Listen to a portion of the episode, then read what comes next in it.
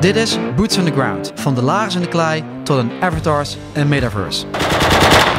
We are facing the most challenging security environment in a generation. Lid van de NAVO betekent een aanval op één is een aanval op alle. Aan de ene kant hebben we artificial intelligence, robots, nanotechnologie. En aan de andere kant hebben we gewoon de mens. Hè, met alleen een wapen, een radio en misschien wel die boots in the ground. Zo'n box waar je dan in zit noemen wij de killbox. A dictator will never erase a people's love for liberty. Hier op het kasteel van Breda, de bakermat van onze Nederlandse militaire traditie. Die bestaat uit slim en vernuftig inzetten van middelen en eenheden. Mijn naam is Gijs Tuinman, drager van de Bronzen Leeuw en ridder in de militaire Willemsorde. Dit is Boots on the Ground.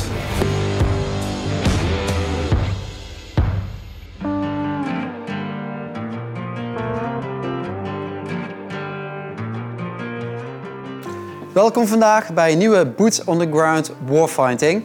En eh, vandaag hebben we het over de rol eh, van de vijand. En ik heb daarvoor een, eh, een, een goede gast uitgenodigd. de major Mannix Provoost, ook een PhD-kandidaat bij de Nederlandse Defensie Academie. Welkom Mannix. Ja, leuk hier te zijn. Gaan we meteen zitten en beginnen? Ja.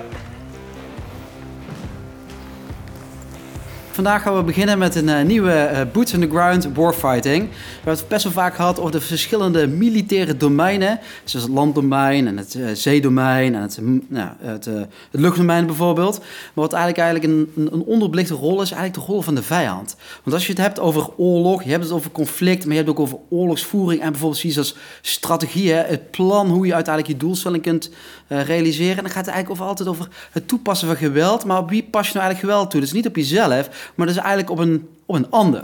Dus uh, in uh, Boots on the Ground Warfighting gaan we vandaag ook uh, met de Major Mannix Provoost hebben over wat die rol van de vijand eigenlijk betekent. En, maar misschien wel het interessantste van alles, hoe je nou jezelf kunt inleven in de positie van een vijand. Want als oorlog het opleggen van mijn wil op die van de ander is, dan zal ik toch moeten begrijpen hoe dat dan in de ander zijn hoofd in elkaar steekt. Marnix, je bent nu aan het promoveren bij de Nederlandse Defensie Academie op allerlei zaken. nou, kun je jezelf even kort toelichten. En je hebt ook iets meegenomen, zag ik. Dus uh, of je dat dan dadelijk ook even wil uitleggen wat je hebt meegenomen. En wat het eigenlijk zegt over die rol van de vijand in oorlogsvoering. Ja, dat kan ik zeker. In ieder geval dank voor de uitnodiging om hier uh, te spreken. Um, ik promoveer inderdaad, uh, net als jij, sterker nog, we delen ook een kamer met z'n tweeën. Dus... Mm -hmm. Um, ja, mijn loopbaan die is eigenlijk vrij uh, operationeel gericht geweest, altijd. Um, en ja, we hebben allebei bij het Korps Commandotroepen gediend. Daarnaast ook bij de Luchtmobiele Brigade. DGB heb ik gewerkt en uiteindelijk uh, nu gaan promoveren. En mijn promotieonderzoek richt zich met name op uh, eigenlijk opstanden tegen staten en hoe die naar mijn idee gelijkenis vertonen met uh, het ontstaan van staten ook. En eigenlijk is het linkje daarmee dat ik het heel interessant vind om dus te kijken naar uh, insurgents. is eigenlijk datgene wat we altijd als tegenstander identificeren in veel uh, missies. Ja, insurgents, zeg maar een soort uh, guerrilla. Als je bijvoorbeeld, misschien uh, de meeste zegt wat als je naar Afghanistan kijkt, de Taliban, en dan heb je de, de staat van Afghanistan, hè, de regering, en dan is de Taliban is dan de insurgent, en dat is ja. voor de, de, de Afghaanse overheid is dan de insurgent is de vijand, dat bedoel je toch? Ja, exact. En eigenlijk betekent dat ja, dat, dat groeperingen zijn die uh, binnen staten kunnen fungeren, maar niet de rol van een staat hebben. Opstandelingen, dat kunnen ja, de groeperingen zoals de Taliban zijn. Ook in hele andere hoeken kun je die uh, vinden. Um, en ik vind het dus interessant om te kijken naar het perspectief van uh, bijvoorbeeld strategieontwikkeling. Hoe uh, gaan die groeperingen te werk om eigenlijk een staat te ondermijnen en uiteindelijk ook over te nemen? En vanuit dat perspectief redenerend ehm, zie je wel ehm, dat daar soms wat meer achter zit, achter zo'n tegenstander, dan alleen maar een soort ja, noem het maar, tweedimensionaal beeld wat we hebben. Uh, ja, de goede en de slechte. Ja, ja de goede en de slechte. Dan, dan ja. koppel je er nog een, uh, een normering uh, aan, een, een, een moreel aspect. Ehm, maar ik vind het dus heel interessant om die tegenstander eigenlijk vanuit het tweedimensionale leidende voorwerp, hoe die vaak wordt gezien. Je hebt een tegenstander en die ondergaat eigenlijk datgene wat je doet nou, eigenlijk een driedimensionale uh, ja, entiteit die ook daadwerkelijk zelf aan strategieontwikkeling uh, doet. En uh, die misschien wel met een heel ander perspectief naar een confrontatie en naar een tegenstander als wij kijken, dan dat we zelf doorhebben. Ja, en daarvoor heb je ze meegenomen, toch? Ja, Exact. Je had me gevraagd om eh, iets mee te nemen. Hier, laat eens zien. Wat heb je, Ja. wat heb je bij je? Nou, waar ik naar op zoek was, was een eh, lens. Omdat ik eigenlijk in de kern denk eh, dat dat heel bepalend is voor het beeld eh, wat je binnenkrijgt. En Ja. de lens waardoor je kijkt, ehm, ja, dat is dus heel erg belangrijk. Dus in die zin was ik op zoek naar een lens. Ik heb er twee meegenomen. Ik denk dat het staat voor enerzijds de lens waarmee wij naar een tegenstander kijken. Ja, maar maar wat, wat is het als je in je hand hebt? kom, ik, kom ik zo op. Goed. Maar de andere is ook de lens waarmee een tegenstander naar ons kijkt. En vandaar twee lensjes. En ik vond deze presse-papiers eh, op mijn bureau en ik vond het wel aardig. Het zijn eh, uiltjes. En een uil is symbool voor de wijsheid. Maar daarnaast ook een eh, dier wat gelieerd wordt aan Pallas Athene, de godin van de oorlogvoering. En eigenlijk is dat een beetje ons eh, vakgebied, de krijgswetenschap. En ik denk dus ook dat het vanuit de krijgswetenschap enorm belangrijk is om je te beseffen met wat voor lens eh, je naar een situatie kijkt en naar een tegenstander kijkt. Maar tegelijkertijd ook van lens kan wisselen om de verschillende perspectieven op een tegenstander eh, ja, eigenlijk helder voor ogen te hebben. En op basis daarvan je eigen handelen vorm te geven. En die tweede is dan eh, de omgekeerde rol. Ja, dus eigenlijk onze lens eh, waarmee we naar de vijand kijken, of de tegenstander. En anderzijds ook de lens waarmee een tegenstander naar onszelf eh kijkt. Ik vind Ja. dat twee hele interessante perspectieven. Ja, in eh, deze podcastserie gebruik ik heel vaak dialectiek. Hè. Ik leg dat vaak uit. Hè. Zijn hè, goed en als je bijvoorbeeld goed en slecht hebt. Hè. Dus vaak is het dan wat goed is, is eh, lastig uit te leggen. Maar als ik uitleg wat het niet is, dat is slecht, dan is dat goede is vaak, eh, vaak duidelijk. Dus je ziet hier natuurlijk misschien ook wel wat van die dialectiek. Hè. Net was het heel interessant als je zei. Bijvoorbeeld in Afghanistan heb je de overheid. Aan de andere kant heb je de insurgents. Hè. De overheid, voor de overheid zijn die insurgents zijn uiteindelijk hè, die guerrilla's. Die opstandelingen zijn de vijand en vice versa. Maar de grap is, is dat de rollen nu zijn omgedraaid, hè? Ja. Heel hard gezegd. Dus eh, de Taliban, de insurgents, de vijand, ook van ons, zitten nu in het regeringsgebouw en zijn eigenlijk in een bepaalde mate een, ja, een entiteit of misschien een, een legitieme staat. En de grap is dat, ze die, dat die Taliban onderdrukt weer de opstandelingen. En Ja, ja, ik vind het heel bijzonder. Sowieso de, de hele casuïstiek van de machtsovername door de Taliban vind ik een hele interessante. Ik, ik bestudeer die ook voor mijn eh, promotieonderzoek. Maar je ziet dus ook dat inderdaad die Taliban omschakelen op het moment dat ze de, de macht hebben gegrepen in eh, Kabul. Eigenlijk direct naar een counterinsurgent die zowel de voormalige Noordelijke Alliantie in de Panjshir-vallei eh, Ja. bestrijdt. Maar ook ehm, Daesh, ISKP. ehm, is er nu staat. Ja, de Islamitische Staat, eh, die eigenlijk weer in opstand komen tegen het regime van de, de Taliban. Eh, ja. Ik zit hard op, even hard op het denken. Hè. Dus, maar als ik kijk naar onze eigen Nederlandse historie, hebben we natuurlijk ook eh, een, een, een Spaanse overheersing gehad, hè, 80-jarige oorlog, waarbij eh, nou, onze prins van Oranje eigenlijk een opstandeling was. Ja. En eh, het zittende gezag hè, met Margrethe van Parma, eigenlijk en Alfa, de Spaanse overheersers, zo noemen ze dat, eruit geknikkerd hebben. En vervolgens eh, eigenlijk daar het fundament van onze Nederlandse rechtsstaat hebben gebouwd. En wat maffe natuurlijk is, als we naar ons eigen eh Wilhelmus kijken, naar het, fonds, naar het ons eigen, ja, hoe zeg dat, eh, volkslied. Hè, dan zien we eigenlijk dat daarin, hè, we hebben onze Spaanse overheersers hebben getrouw. Ja. Dus ja, Maar even een stapje, stapje terug. Hè. Dus we gaan het vandaag inderdaad hebben over die eh, rol van, eh, van de vijand. Dus ik denk dat we allereerst even moeten kijken wat, eh, ja, hoe dat nu in de huidige situatie, ook even naar de actualiteit van de Oekraïne, hoe dat nou precies zit. Hè. Wat missen we dan uiteindelijk in? Hoe is, is dat beeld? Hoe eendimensionaal of misschien wel tweedimensionaal is dat? Dan moeten we eigenlijk een beetje, beetje uit, uit elkaar halen. Heb je nog wat boekjes liggen? We gaan we kijken naar theorie.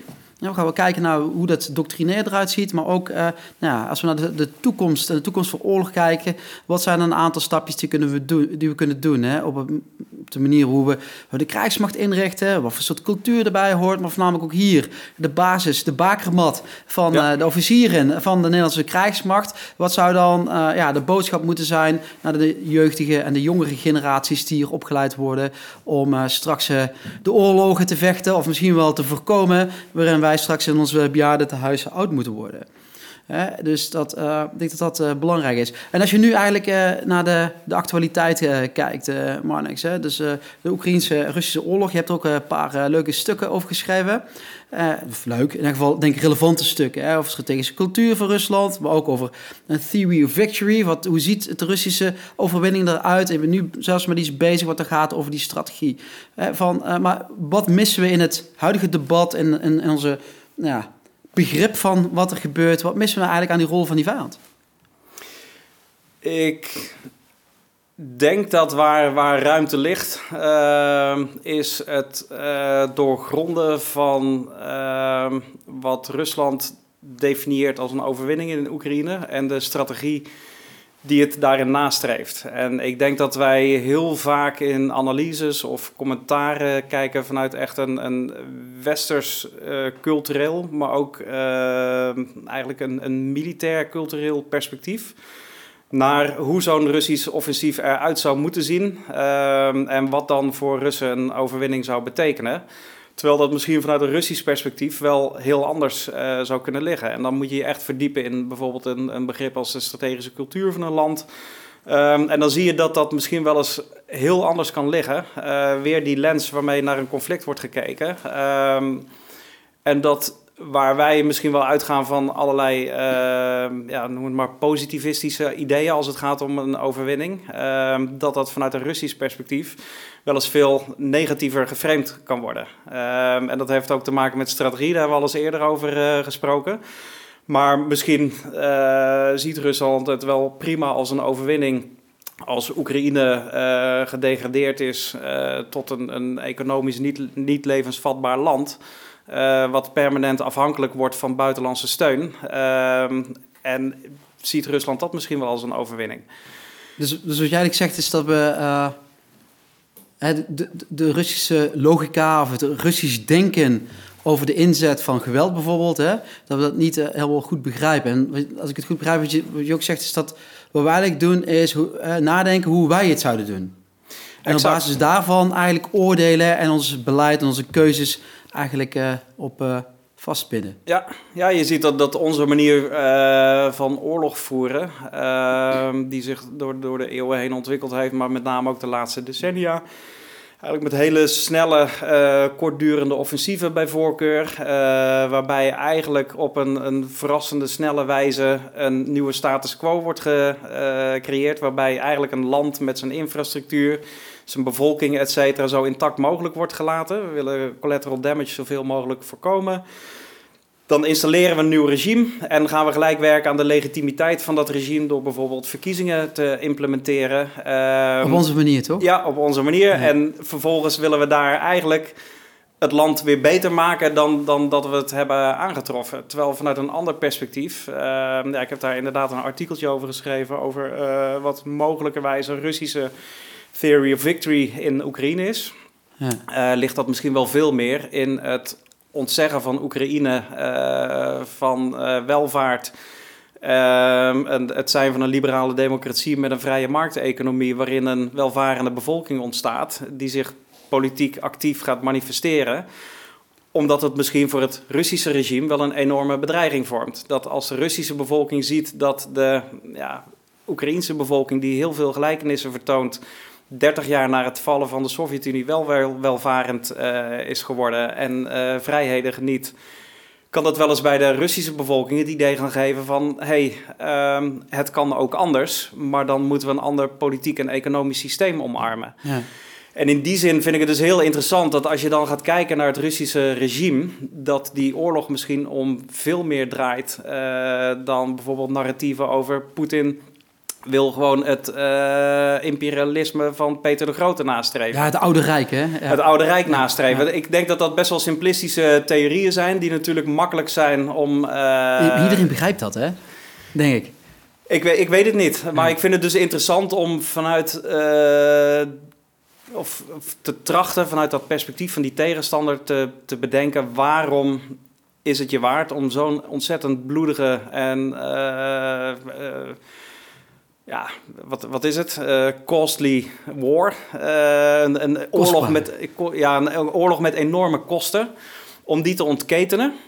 dan moet dat wel verder gaan, eh, de doelstellingen die je wil bereiken, dan alleen maar het innemen van wat grondgebied. En als je dan gaat redeneren en gaat nadenken over wat die doelstellingen kunnen zijn, ja, dan zie je dat, dat daar misschien wel een, een veel doordachter idee achter zit. ehm, en veel belangrijkere doelen dan dat je op het eerste gezicht zou denken. Ja, laten we, laten we, laten we die eens eh, gaan uitpakken, Marlex. Eh Zo'n open, open ja, lastige begrippen en dat soort zaken meer. Hey, wat ik wil doen is, eh, ik zal even eh, meer het westerse perspectief een beetje in de historie schetsen.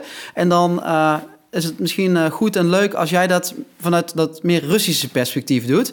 En dat we een beetje voor de, de luisteraars ook kunnen wegzetten wat we dan bedoelen met twee ja, lenzen, eh, waarbij de een de ander probeert te begrijpen en vice versa. Dus als je even teruggaat in, eh, in, de historie, in de tijd, hè, dan zie je eigenlijk dat ook hier zo, we worden opgevoed met wat? We worden opgevoed met de oorlog van Napoleon.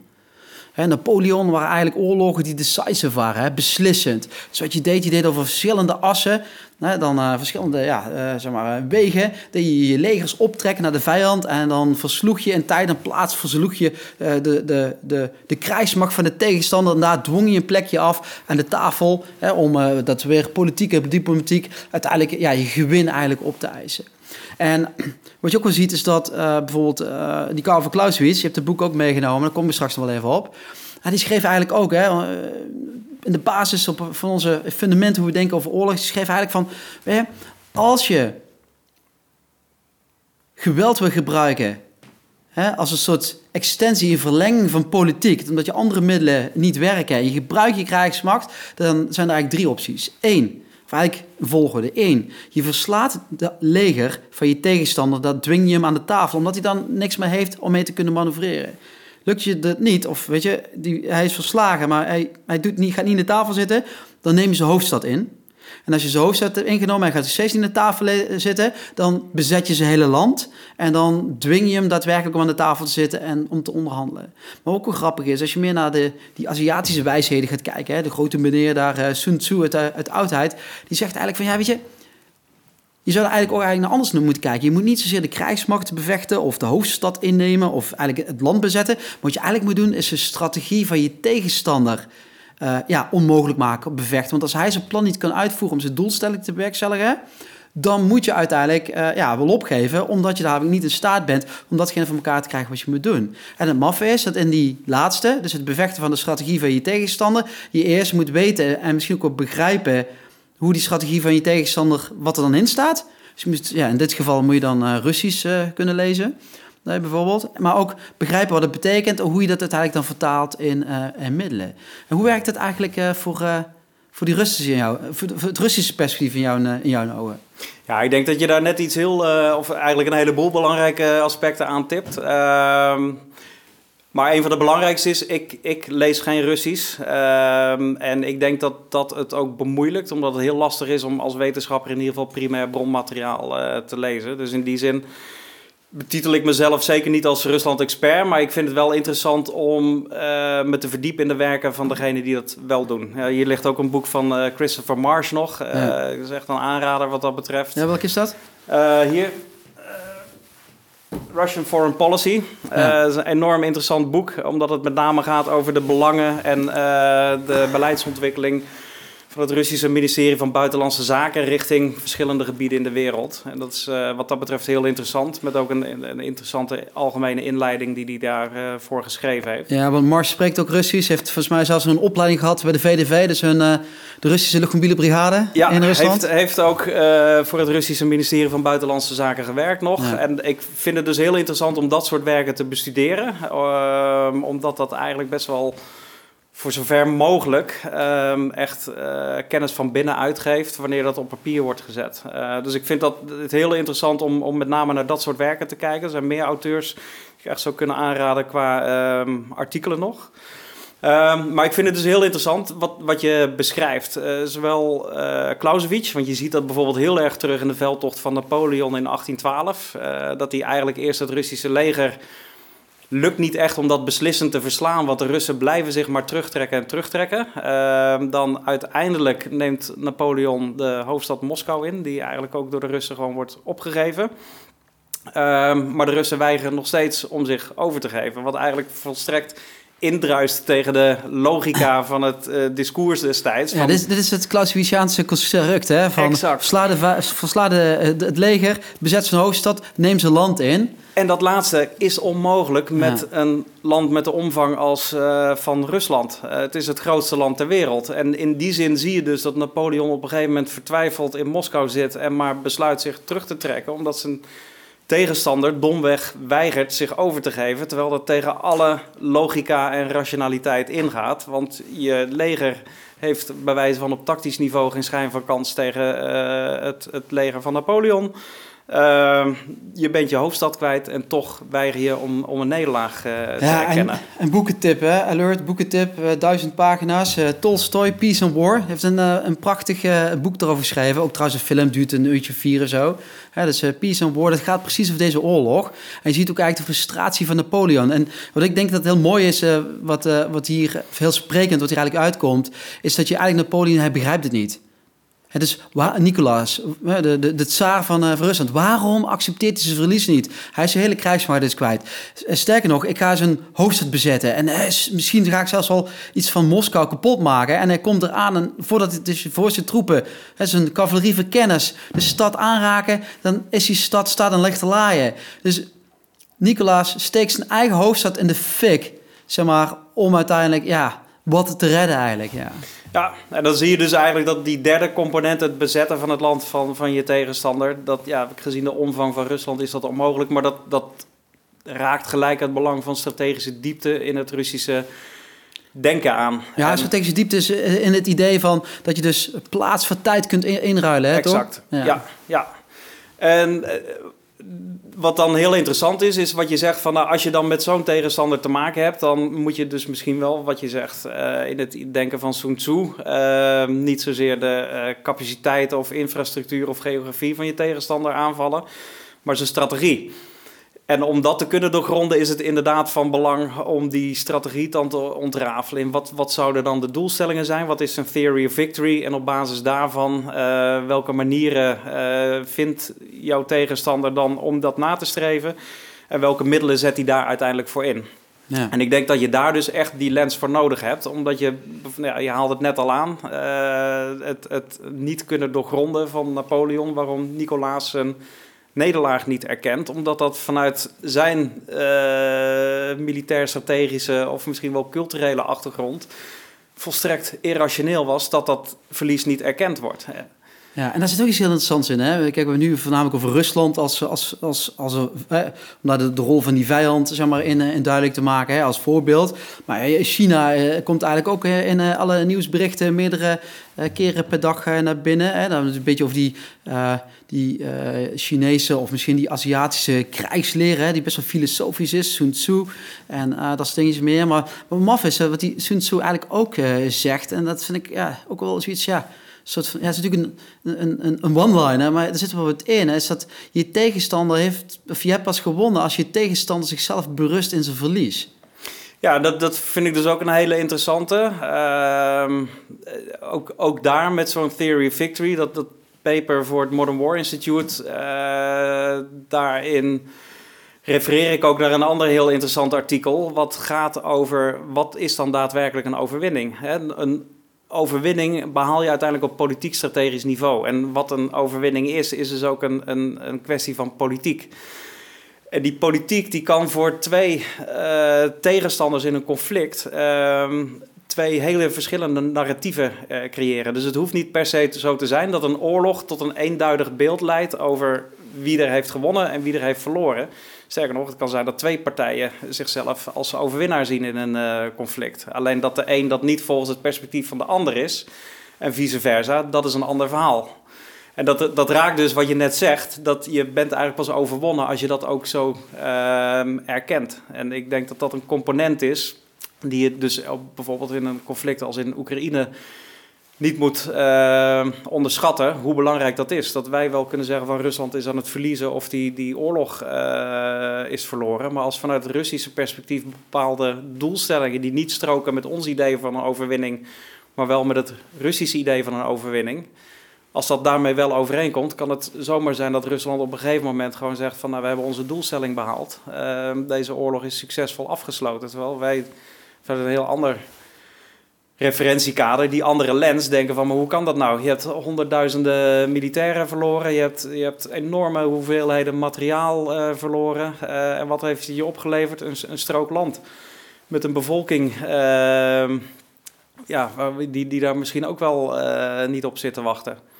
Ja, dat is maf is dat, hè? Dus is nu meer over, over uh, strategie en dat soort zaken. Maar even, één keertje eventjes uitzoomen naar nou, wat, uh, wat grotere dingetjes. Hè, zoals, geopolitiek en wat er eigenlijk allemaal op het wereldtoneel gebruikt, gebeurt. Wat ik altijd heel, wel interessant vind. Ik heb een paar jaar in, in Amerika mogen studeren. Dus, en nou, natuurlijk in Amerika zat het voor mij wel heel duidelijk. Amerika ziet zichzelf als de hub of all powers. Dus het is de center of the universe. He, dus nu ook de Pax Americana, dus het is het tijdperk van uh, de Amerika als de, de, politiemacht. Maar het idee dat Amerika, zeg maar, daar is de wereld omheen gevormd. Het grappige is, als je naar Europa kijkt, dan vinden we eigenlijk dat waar het eigenlijk om gaat, is Europa. Europa is de center of, of the world, waar eigenlijk de schuifplaten allemaal zich omheen begeven. Nou, van China vinden wij eigenlijk, als we naar kijken, is dat China is, uh, is een opkomst, uh, probeert zijn eigen plek weer op het wereldtoneel uh, vast te pakken. En is eigenlijk ook, zit eigenlijk ook van, wij zijn eigenlijk de center of the universe. En wat ik wel maf vind, is dan als je gaat kijken naar uh, gedachtegoed zo rond de 1900 jaren, wat nog steeds eigenlijk wel, ik denk wel relevant is, maar wat vaak ja, toch wel ja, aan de kant wordt geschoven of uh, wat uh, extreem misschien wel wordt gezien, is het idee van de Heartland Theory en McKinder. En die McKinder zegt eigenlijk van, uh, weet je, in 1900, als je naar de wereld kijkt, het is de kern, de Heartland, het center, waar het eigenlijk allemaal om draait, is eigenlijk Oost-Europa en een stukje van Oekraïne en eigenlijk het centrum van Rusland. En daaromheen is het pivotal. En daaromheen heb je eigenlijk het het uh, World Island. En World Island is eigenlijk Europa met China en, Rusland erbij. En er, eromheen heb je dan de outer en de inner, inner rim. De, ja, de eilandengroepen die wat minder relevant zijn. En uh, ja, weet je, hoe kijk jij daar tegenaan? En zie je van die dingen daar wat terug in, dat, uh, die Russische strategische cultuur? Hoe zij zichzelf zien, of welke plek zij zich toe, zichzelf toe bedichten op dat wereldtoneel? Ja, ik vind het met name interessant om, om te kijken naar de rol die uh, de Heartland-theorie van, van McKinder zijn ideeën. Hoe dat uh, verweven is geraakt in, uh, of eigenlijk ook omarmd is in het denken van Alexander Dugin. en, een vaak over het hoofd geziene ideoloog voor het Kremlin. Die heeft ook een boek geschreven.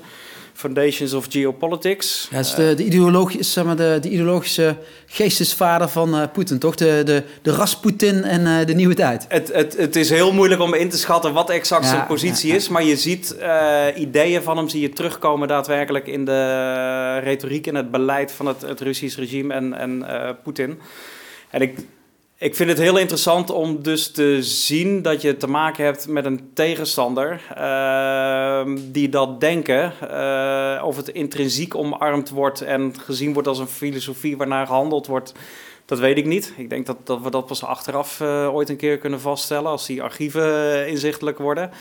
Ehm, maar je ziet dat het in ieder geval gebruikt wordt als een narratief ook om de Russische bevolking te uh, mobiliseren. Um, en ik denk dat, dat dat het belang is, dat wij kunnen vanuit ons perspectief dit soort ideeën uh, wel afserveren uh, en zeggen dat het onzin is en ook dat het hele concept van geopolitiek, dat het misschien wel, ja, dat je daar je vraagtekens bij kunt stellen, in hoeverre we daar echt naar, ehm, naar, moeten handelen of dat serieus moeten nemen.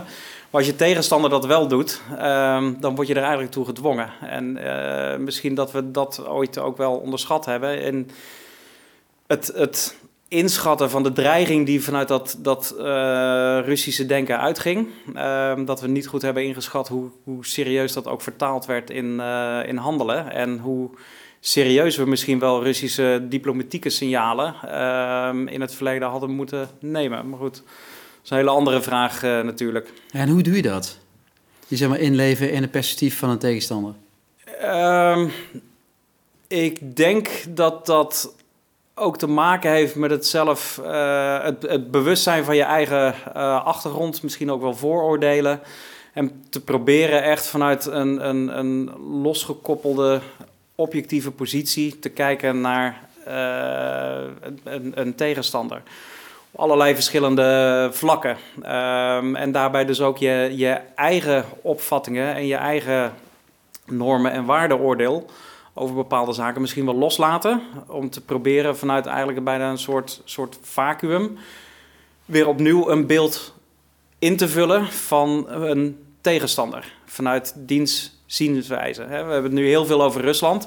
Maar eigenlijk mijn promotieonderzoek ben ik bijvoorbeeld ook heel veel met Al-Qaeda bezig. Um, en daar zie je, het is ook heel interessant om het nog eventjes over te Ja, hebben. Voornamelijk in Afrika, toch?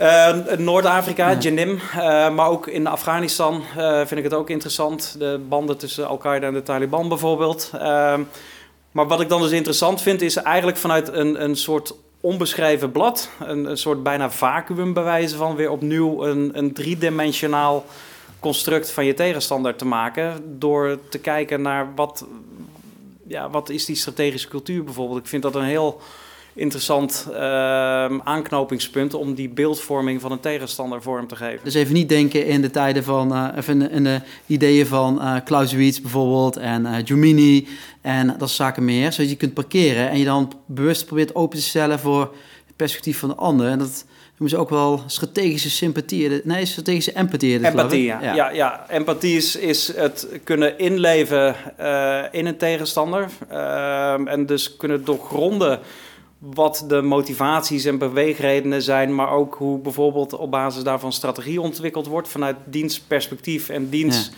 bijvoorbeeld doctrines, eh et cetera. En sympathie is dat je daar ook zelf achter staat. Ja, je waar de normen, ja, positie eigenlijk daarin eh mee in overeenstemming is. Ja. Eigenlijk wel, ja. En ik denk dat, dat je dat echt goed uit elkaar moet halen. Maar ik denk om, om echt dat te kunnen doorgronden... en op basis daarvan dus de strategie van een tegenstander ook aan te kunnen vallen... moet je dat empathisch vermogen hebben... om je dus vanuit zijn perspectief te kunnen beredeneren wat doelstellingen zijn... en welke strategie die eh, nastreeft. En ik, ik denk, ja, we hebben het al eerst eerder over gehad. eh, daarvoor heb je dus ook cognitieve diversiteit in je organisatie nodig. Eh noem het maar af en toe dwarsdenkers, die dus ook van buitenaf door die lens van de tegenstander naar onszelf kunnen kijken. Ehm, en, en dat, ja, dat je dus echt die meerdere visies en denkbeelden in je organisatie ook omarmt. Ja, dus je moet in, je team zeg maar, niet alleen eh, mensen hebben die, eh, die er anders uitzien en dat soort dingen meer, maar ook gewoon op een andere manier denken en andere culturele achtergrond hebben, toch? Met name dat, ook al schuurt dat soms met, eh, met heersende opvattingen. Maar ik denk dat je daardoor, ja, ik roep wel eens zonder wrijving geen glans. En dan mag het best af en toe conceptueel wel eens schuren. maar ook in publicaties of het, het bekritiseren van onszelf. Om af en toe echt eventjes te kijken van zijn we wel echt met de juiste dingen bezig. En doen we die juiste dingen ook wel op de juiste manier. Ja, wat ik tegen mijn studenten altijd zeg hier op de hogere defensievorming, ook wel op de academie, is eh, in oorlog, nee, je hebt er ook in gezeten, in oorlog, als het misgaat, doet dingen echt pijn. Ja, Fysiek pijn. En soms kun je niet meer navertellen. Dus, maar als het geen oorlog is en je een beetje voorbereiden op, op oorlog, dan op de vrijdag als je in de auto of in de trein zit, moet je eigenlijk een klein beetje hoofdpijn hebben. ja. is dat je dusdanig jezelf hebt eh, gedwongen met andere dingen, eh, ja, andere denkbeelden, dingen die niet per definitie logisch zijn. Misschien ook wel soms je tegen de borst aanstuiten, eh wat de implicaties daarvan zijn. Dus dat is- Ja, en, en mm, ja, dat vergt gewoon tijd. Eh, en inderdaad, aan het eind van de week kan je hoofd wel eens helemaal leeg zijn. Ik vond het wel een hele interessante wat je zei over het, het, het loslaten ook van de ideeën van Clausewitz en Jomini. Ja. Ehm, tegelijkertijd vind ik dat ook een hele interessante, omdat je met name in de Russische eh, militair-strategische cultuur het denken van Clausewitz heel erg terug ziet komen. Ehm, en dat vind ik dan dus wel weer interessant. Dat een aantal universele aspecten in het denken van Clausewitz... dat je die daar dus heel erg wel weer in terug ziet komen. Ehm, misschien nog wel meer dan dat we dat in onze eigen krijgsmacht... die dat natuurlijk ook in het curriculum heeft staan... eh, heeft staan. En ja, een daarvan is dat bijvoorbeeld voor eh, Russen is eh, oorlog is een voortzetting van een politieke confrontatie met inzet van statelijk geweld. En dan zie je dus met name weer dat het gaat om het politieke aspect van oorlogvoering. En dat dus ook een eh, overwinning op politiek-strategisch niveau bepaald wordt. En zij kennen dan ook vier categorieën van overwinning. Dat is politiek-strategisch, eh, daarna, eh, of eigenlijk politiek eh, overwinning, militaire overwinning, militaire nederlaag en een politieke nederlaag. En voor Russen in hun oorlogvoering kan het dus zomaar zijn dat je militair gezien een nederlaag leidt, of in ieder geval geen beslissende overwinning eh, boekt. En aan de andere kant toch een politieke overwinning behaalt. En dat laatste is, is waar het om gaat. En ik denk dat dat iets is wat in ons denken natuurlijk totaal anders eh, zit. Ja, doe mij denken aan het hele idee dat... eh, ja, kijk, hoe wij opgevoed worden. Hè? Even als je, de strategie is steeds eh, vrij wollig. Hè? Gaat over doelen, middelen inzetten en methodes en risico's. Hè, daaronder zit natuurlijk het operationele niveau van een campagne... waarin daadwerkelijk eh, militaire en tactische activiteiten... in allerlei samenhang plaatsvinden. En eh, wat, wat wij eigenlijk gebruiken is dan een maneuverist approach. Hè? Dus ons idee is dus dat... De Nederlandse krijgsmacht, eigenlijk de hele NAVO... dat wij...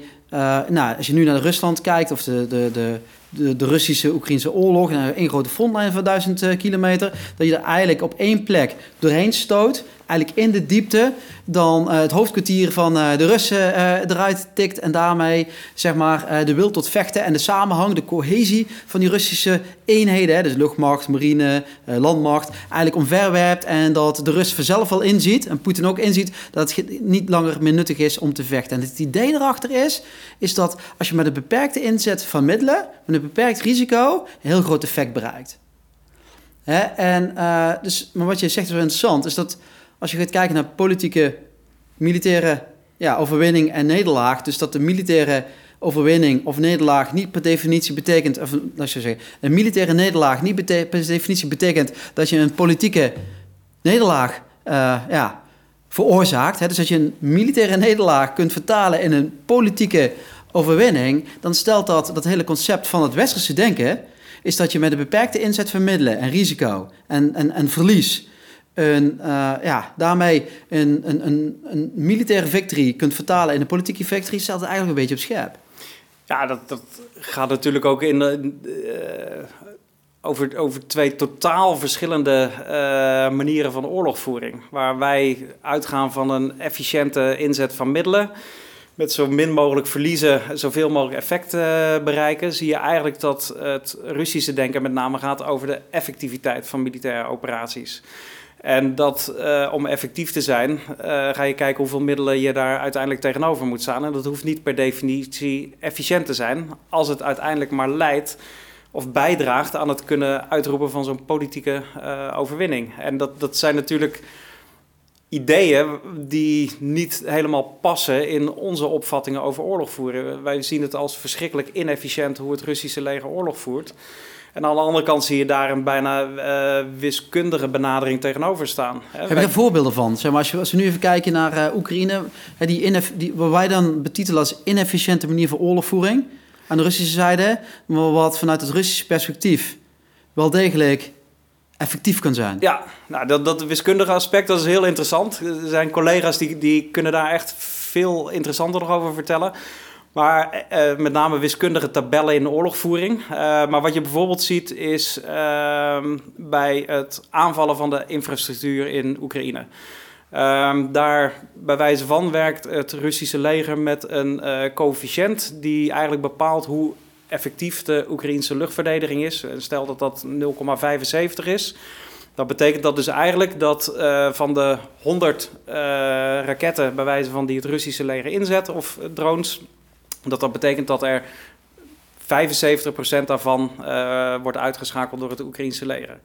Ja, wij zouden dat verschrikkelijk inefficiënt eh, vinden. Dan Eh, zou ermee stoppen, ja. Zou de Kamervraag gesteld worden? bij wijze van. Ja. Eh, maar aan de andere kant betekent dat dus in de Russische denkwijze dat als ik 100 doelwitten heb, of sorry, als ik 25 doelwitten heb die ik moet treffen, dat ik 100 raketten moet afvuren.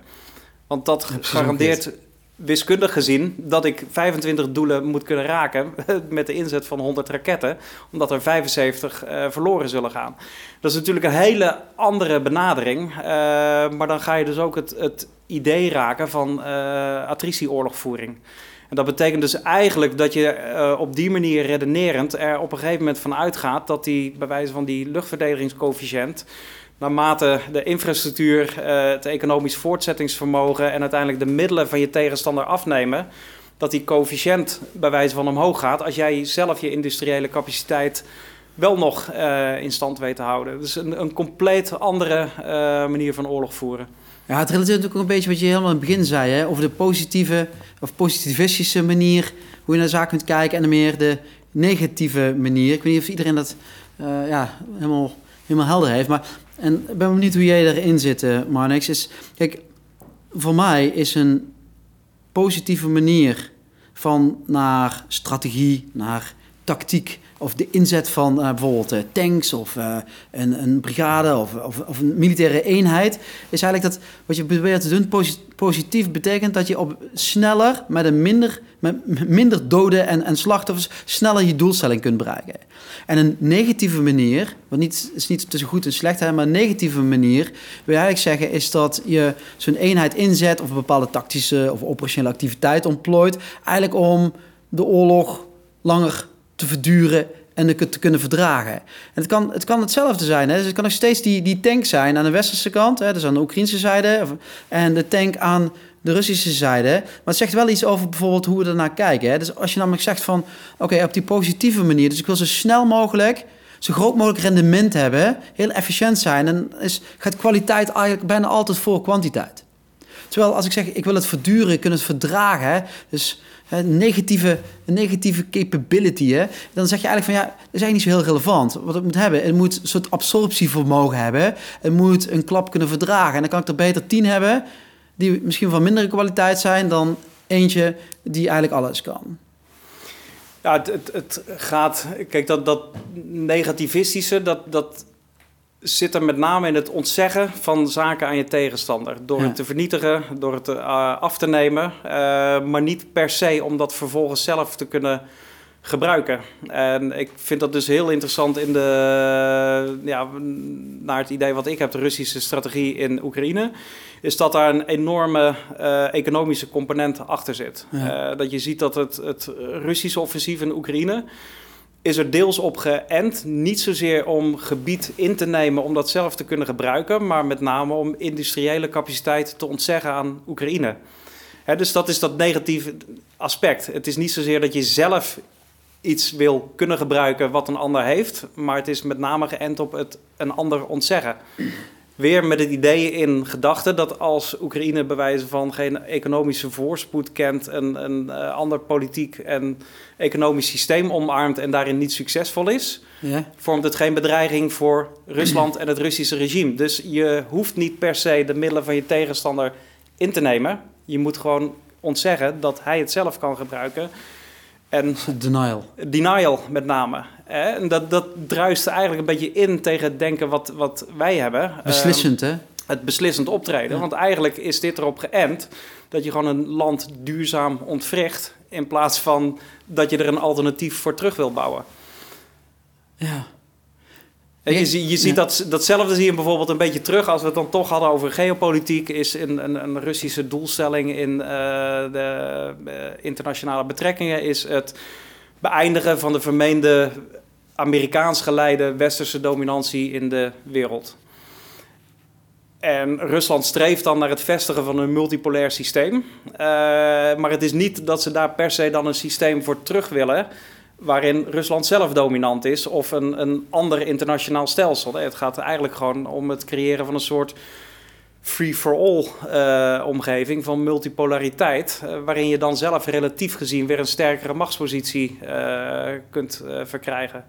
Dus ook daar zie je weer het, het negativistische in, insteek van iets kapot maken en ontzeggen wat je niet wil, maar niet per se daar weer een nieuw iets voor construeren wat je dan wel terug wil. Maar toch is het vreemd, want hè, we hebben het dan over empathie. Je probeert in te leven in de logica van een ander. Dat hoeft niet jouw logica te zijn. Hè. Het kan zelfs dwars op de logica zijn hoe de dingen werken als je dat zelf vindt. Maar waar je het over hebt, als je kijkt, gewoon even, ja, mijn begrip van de geschiedenis, de historie, de relatie van Europa met Rusland, dan zie ik het toch elke keer terug. Hè. Dus je had al over 1812, hè, probeert Napoleon, eh nou, Nicolaas eh, eh, eigenlijk te verslaan, de Russen te verslaan. Dat, dat mislukt. Waarom? Omdat ze hè, scorch earth, verbrande aarde, eigenlijk alles platfikken wat ze tegenkomen. In de Eerste Wereldoorlog gebeurde het de, Duitsers weer. En uiteindelijk, of tenminste de eerste keer Wereldoorlog het, gebeurde het de Duitsers. En de Tweede Wereldoorlog gebeurde het met Hitler, met zijn Derde Rijk, gebeurde het eigenlijk voor de derde keer. Dus de vraag is dan, welke les willen we dan niet leren? Zeg maar, in eh, hoe dat Russische construct werkt.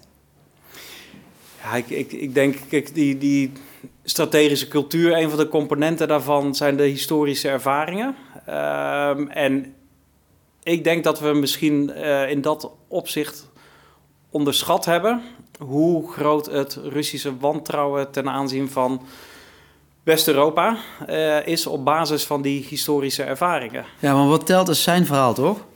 Nou, ik, ik, denk dat dat dus interessant of uh, belangrijk met name is. Is door die lens van de tegenstander kunnen kijken. Um, en dan hoef je het niet met het perspectief eens te zijn.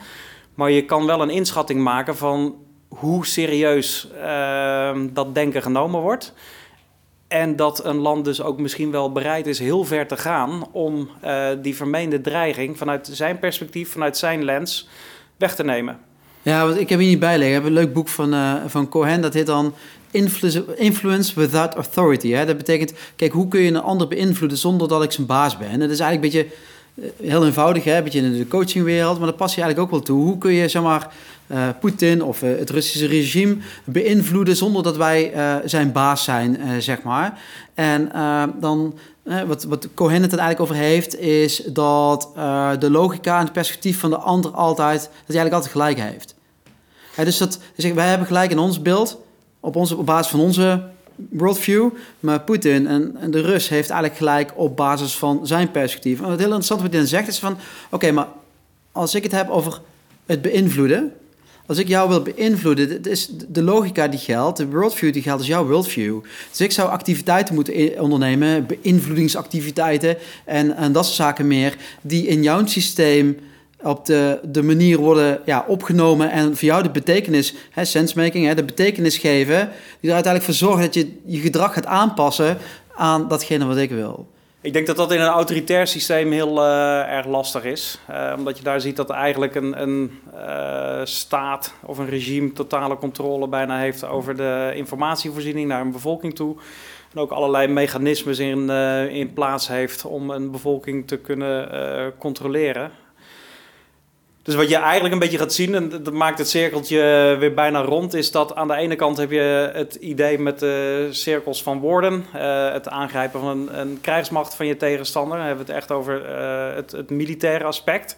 Ja, want wat Warden Z zit in die tweede podcast hè, over airpower met Joel Posma. En Warden is zo'n zo airpower strategist en die zegt eigenlijk van, de middelste cirkel is eigenlijk de wil van de bevolking. Hè. Je kunt je direct aangrijpen, hebben ze de Tweede Wereldoorlog gedaan met vliegtuigen en dan kun je het eigenlijk af afpellen. En buiten zit dan ja, militaire capaciteiten en dat soort zaken meer. Ja, onze focus ligt heel erg, dat zie je ook op social media, op die, die militaire ja, op de buitenkant, capaciteiten. Hè? Op die buitenkant, ja. het spreekt tot de verbeelding, allerlei uitgeschakelde tanks en dan mooie staatjes uh, daarbij. Maar je ziet dat op de een of andere manier, ja, je had het net al eventjes over absorptievermogen, dat dat Russische leger, dat heeft het historisch gezien ook, dat heeft dat absorptie of incasseringsvermogen om die verliezen te leiden en toch niet uh, door de knieën te gaan. En aan de andere kant heb je dus ook dat die beïnvloeding van het regime om zijn gedrag te veranderen, uh, dat dat ook heel lastig is. En dan blijft er eigenlijk nog maar één aspect over en dan komen we toch weer op Sun Tzu. Dan zul je dus moeten doorgronden wat de strategie van die tegenstander is en proberen die strategie dan aan te grijpen. En ik denk dat, ja, dan kom je er toch weer uit, op uit dat je moet identificeren wat zo'n tegenstander dan ziet als een politieke overwinning en welke strategie die op basis daarvan uh, hanteert. En dat lukt alleen maar vanuit het perspectief van die tegenstander door zo'n lens. Maar toch zijn is het heel dominant, hè? Die, uh, die hele pijplijn van opleiden en trainen en welke informatie je binnenkrijgt. En ook al bij je soldaat of corporaal of misschien wel politieman uh, op straat. Hè. Dus ja, daar heb ik allemaal niks mee te maken. Maar toch word je stiekem met hele, hele stapel boeken... word je toch wel een beetje opgevoed. Hè? Ja. En uh, ik denk wat, uh, wat, wat voor mij sprekend was... een tijdje terug met de militaire historicus Pieter Soldaat... hebben we onderzoek gedaan van een paper... Hè, officieren weer leren vechten. En waar we eigenlijk achter kwamen... is we zijn allerlei oefeningen gaan kijken... waar we eigenlijk achter kwamen is dat bijvoorbeeld hoe uh, we in de, in, de, in de landmacht eenheden, dus bataljons en compagnieën trainen, is uh, precies op die manier. Dus we geloven erin dat de enige echte manier, de beste manier om je tegenstander te verslaan, is ergens door zijn linies heen breken en dan zijn, in de achtergebied eigenlijk daarmee ja, verwarring verzaaien en daarmee de samenhang en de wil tot vechten te breken en dan gaat de vijand vanzelf weg. En het maffe is, omdat wij dat zelf doen, wij trainen onze offensieve acties. Hè? En dat doen we in Duitsland en zelfs binnen de NAVO. We hebben allerlei scenario's voor. Doen we dat trainen en beoordelen. En het maffe is dat we in de verdediging, dus een verdedigen hebben we niet het initiatief, maar verdedigen we eigenlijk tegen een vijand, doen we precies hetzelfde. Want wij gaan er ergens op ons hoofd, gaan we ervan uit dat die vijand slim is. En als hij slim is, is gaat hij dat doen. Wat ik daarmee wil zeggen is, dus we hebben dan een hinderlaagzone, maar we gaan er eigenlijk vanuit dat hij ergens ons gaat doorbreken. Hè? En we moeten kunnen opvangen en dan, weet je, met een counter-attack, eh, weet je, hem afsnijden en dan weer beslissend verslaan. Terwijl als je gaat kijken naar bijvoorbeeld, nou, uh, noemen ze wat, uh, de scenario's die zich voor de tv afspelen in uh, Bakhmut en uh, met nou, loopgraven en dat soort zaken meer. Is wat je ook moet kunnen in de verdediging. Is het absorberen van, ja, wat jij dan noemt zo'n attritie slag eigenlijk. En, en het maf is, we hebben daar geen doctrine voor. We hebben daar de middelen niet voor. Maar we hebben ook niet onze mindset op orde. En onze, ja, onze gereedheid, hè, onze operationele gereedheid en getraindheid op orde... om daar daadwerkelijk mee om te kunnen gaan. Ja, ja dat, het, het, raakt ook weer een aspect van Clausewitz dat oorlog in de kern natuurlijk een, een escalerend uh, geheel is naar een, een uiteindelijk totale oorlog. Ja. Um, en wat je dus eigenlijk ziet is, heel sterk ook in het Russische offensief in Oekraïne, is dat initieel wordt er uitgegaan van ja, eigenlijk bijna schoolvoorbeeld van een soort deep battle uh, doctrine. Het, het aanvallen over meerdere assen, de diepte in in de verwachting dat die tegenstander zijn, zijn systeem, een holistische benadering eigenlijk instort.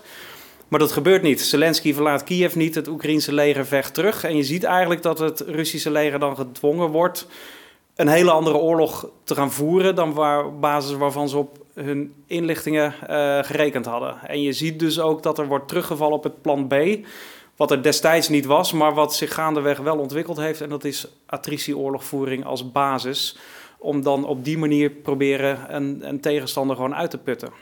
En uh, je ziet dan dus ook dat uh, dat eerste, de manoeuvre aanpak, dat, dat leren we heel erg. Alleen de basis om dan terug te vallen op attritie, uh, om uiteindelijk de wil van een tegenstander uit te putten of hem door attritie de middelen te ontnemen om uiteindelijk überhaupt nog wel die, die wil vorm te kunnen geven. Ehm, dat, ja, daar, daar liggen misschien wel wat verbeterpunten om het eufemistisch uit te drukken. Ja, heb je daar en, nog sprekende voorbeelden van die we ja, eigenlijk dagelijks op, uh, op tv zien? Dus van oké, okay, weet je, maar dat is wat Marnix, voor de luisteraars, dat is wat Marnix bedoelde? in die attritieoorlogvoering. Ja, zeg van, ja.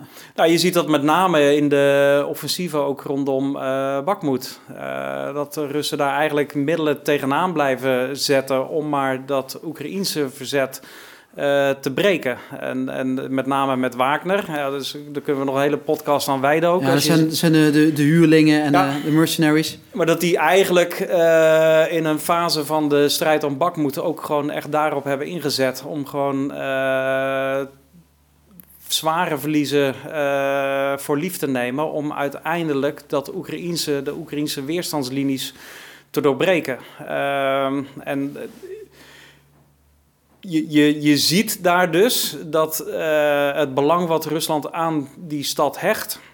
Dat hoeft hem niet zozeer in de stad zelf te liggen, in de positie. Dat ligt hem ook niet zozeer in het intact innemen of het, het voor winnen van de burgerbevolking daar. Het gaat echt om de attritie van het Oekraïense leger. Uh, het Oekraïense leger nog meer afhankelijk maken van buitenlandse steun. Oekraïne zelf nog afhankelijker maken van buitenlandse economische steun. Totdat op een gegeven moment dat steunen uitgeput raakt. En de filosofie is dat je daar dus gewoon de middelen tegenaan kan blijven zetten. Uh, omdat de verwachting is op basis van, ja, noem het maar eventjes, bijna wiskundige uh, redenatie met een politieke component eraan. Uh, dat Rusland dat langer kan volhouden dan dat de politieke wind in het Westen bereid blijft om Oekraïne te steunen. Dat is mooi. Hè? We gaan toch een beetje afronden. En, uh, maar wat mij aan doet denken is, waar we het eigenlijk deze podcast eigenlijk ook even over, over hebben gehad, is dat die Wagner, die huurlingen, hè, en uh, wat vaak komen uit de gevangenis, zijn of verslaafd of uh, weet je, zijn uh, geïnfecteerd met allerlei HIV of tuberculose en zijn, hun levensverwachting is al beperkt. En wij in het Westen, en ik heb zelf ook wel in eerste instantie altijd die houding, ja maar dat is een zwaktebod. Ze hebben niks anders. Als je moet, ja, als je je nationale veiligheid en je nationale doelen en weer van, van, van Rusland uiteindelijk moet laten verdedigen en uh, met de inzet van uh, veroordeelden, verslaafden en dat soort zaken meer, dan heb je niet heel veel beter dan dat. Hè, dus we kijken, de neiging altijd heel erg om te kijken naar de kwaliteit. Terwijl wij in Nederland, bijvoorbeeld, doen precies omgekeerd. En zeggen we moeten de kwaliteit gaat voor kwantiteit. We moeten de beste eenheden hebben.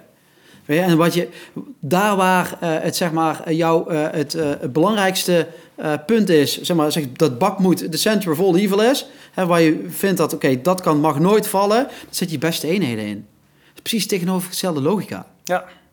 En ehm, dus dat, dat, is, dat is super interessant. Hè? En zeker, als je weer terugkijkt eh, naar deze podcast. We hebben natuurlijk gehad een stukje over de geopolitiek. Hè? Dus eh, de grote schuifplaten op de aarde. Hè? We hebben het gehad over, weet wat zijn dan die ideeën? Wie is dan de center of, eh, of the universe? En uh, van daaruit hebben we eigenlijk een soort van worldview geprobeerd te definiëren. En dat is het nog even gespeeld. Dus als je uit het Russische perspectief en ik het westerse perspectief neer zou zetten, dan zien we eigenlijk dat we allebei een andere soort logica hebben. Een andere manier op basis van een andere ordening van de feiten, theorie en doctrine en dat soort zaken wat we belangrijk vinden om naar die wereld te kijken. Maar ook dat als je het hebt over je, succes in oorlog of je nationale doelen, be nee, doelen behalen, dat het misschien wel interessanter is om niet zozeer de krijgsmacht, zijn hoofdstad of uh, zijn land te bezetten, maar dat je ook moet nadenken over de strategie en voornamelijk het, ja, het, het verslaan of het niet mogelijk maken van het uitvoeren van de strategie van de ander. Maar dat begint het erbij dat je die strategie van de ander door zijn lens, met zijn ja, taalboekje eigenlijk, met zijn regels, moet leren begrijpen. En dat het implicaties heeft ook weer voor, nou ja, misschien wel de boots on the ground. En uh, ja, dat uh, hier zo in, uh, in Breda, waar we nou, op die bakermat zitten van die officiersopleiding, is dat ja, wat we naar, binnen gieteren eigenlijk. Hè? Als, nou, wij zijn ook allebei docent, we geven ook les. Wat we naar binnen gieteren, dat is dat over het algemeen, dat is het perspectief, het worldview, het wereldbeeld, waarmee je later, weet je, als je weer wat groter bent, wat verder in die organisatie bent, in een nieuwe crisis, in een nieuwe oorlog, naar de wereld kijkt. En vanuit dat perspectief, Marnix, uh, als je dan een, een boodschap zou hebben voor uh, nou, de luisteraars, maar zeker ook hier voor uh, ja, de nieuwe ja, generaals van de toekomst, wat zou je boodschap zijn en van, de, welke van de boeken zou je aanraden om eens wat tijd aan te besteden? Ja, die, die boodschap die, die vertaal ik eventjes naar een uh, vraag uh, die ik ook zag over um, in welke capaciteit we zouden moeten investeren ook. Uh, en ik denk dat het heel belangrijk is dat als we het hebben over opleiden en trainen, dat we dat perspectief van de tegenstander ook echt prominent laten terugkomen in het curriculum. Dus echt die, die strategische cultuur in Rusland of in China maar ook van niet-statelijke actoren, organisaties als Al-Qaeda bijvoorbeeld. Um, en ik, ik denk dat dat echt belangrijk is om te doorgronden op welke wijze men naar de wereld kijkt uh, en hoe strategie wordt ontwikkeld. En hoe dat, uh, dat zich uiteindelijk vertaalt ook in militaire activiteiten. En om het dan praktisch echt te maken, denk ik ook dat we in ons uh, tactische optreden ehm, echt terug moeten laten komen dat we force on force gaan trainen tegen een tegenstander die optreedt zoals onze tegenstander ook vecht. Ik heb zelf nog ooit in de jaren negentig, toen ik uh, begon in Hohenfels, uh, tegen een Amerikaanse opvoorbrigade mogen vechten.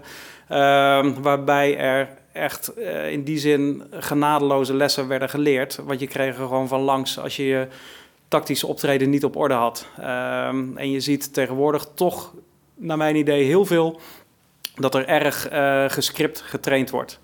Hè, waar ik eerder begon over die, die tweedimensionale tegenstander als leidzaam voorwerp. Nou, je ziet dat heel erg terugkomen in dat gescripte trainen.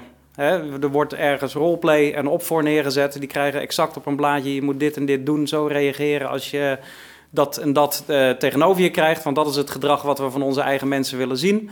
Uh, maar laat maar eens wat mensen zich verdiepen in hoe onze tegenstander opereert en vecht. En laten we op basis daarvan onze eigen mensen het vuur aan de schenen leggen. En daarbij mag het best wel eens confronterend uh, zijn uh, voor onszelf. Maar ik denk dat dat echt de manier is om, uh, om beter te worden. Ja, het is niet de krijgsmacht willen zijn die je wil zijn, maar de krijgsmacht die noodzakelijk is. En welk boek zou je dan aanbevelen? Ja, dan zou ik toch dit boek willen aanbevelen. Een biografie van George Marshall. Oh, ja. Uh, omdat ik dat heel erg interessant vind. Als je het echt hebt over het, het behalen van een politieke overwinning in een oorlog. zie je echt dat de Tweede Wereldoorlog, dat we ons heel erg focussen op, op tactisch en operationele niveau, uh, militair strategisch met campagnes. Als het echt gaat over het behalen van een politieke overwinning en een duurzame vrede, dan denk ik echt dat uh, de biografie van Marshall daar een, uh, een aanrader voor is. Um, omdat, ik, ja, dat is toch echt wel een fundament geweest voor een enorm lange vrede na de Tweede Wereldoorlog. Ja, en ook, uh, weet je, je tegenstander, de Duitsers of uh, de moffen in die tijd, zijn verslagen. En vervolgens beginnen we met de wederopbouw, after victory. En uiteindelijk investeren we, of voornamelijk de Amerikanen, niet alleen in de geallieerde landen, maar ook voornamelijk in de wederopbouw van Duitsland en specifiek Japan. En de grote vraag is inderdaad, als die Russische beer dan wellicht in de toekomst op de knie is gedwongen, zijn wij als westerse wereld dan inderdaad bereid om te investeren in onze, ja, onze tegenstander. Hey, Marnix, Interessant gesprek. Dankjewel en nou, tot de volgende keer. Zo, net een hartstikke leuke podcast opgenomen met Gijs. Uh, maar goed, we hebben nog maar het tipje van de ijsberg kunnen aantikken. Dus mocht je geïnteresseerd zijn in meer kennis of meer diepgang, neem gerust contact op of duik in de boeken die we hebben aangehaald. En dan ja, veel plezier ermee.